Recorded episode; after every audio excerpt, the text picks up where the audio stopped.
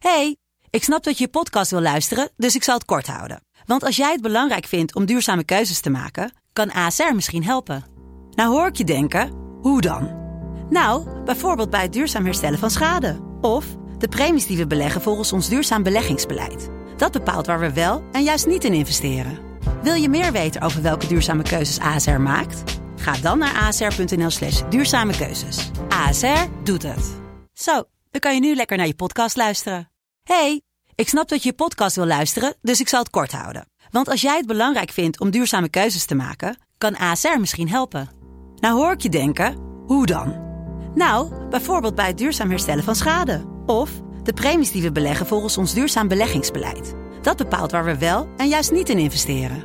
Wil je meer weten over welke duurzame keuzes ASR maakt? Ga dan naar asr.nl slash duurzame keuzes. ASR doet het. Zo, dan kan je nu lekker naar je podcast luisteren.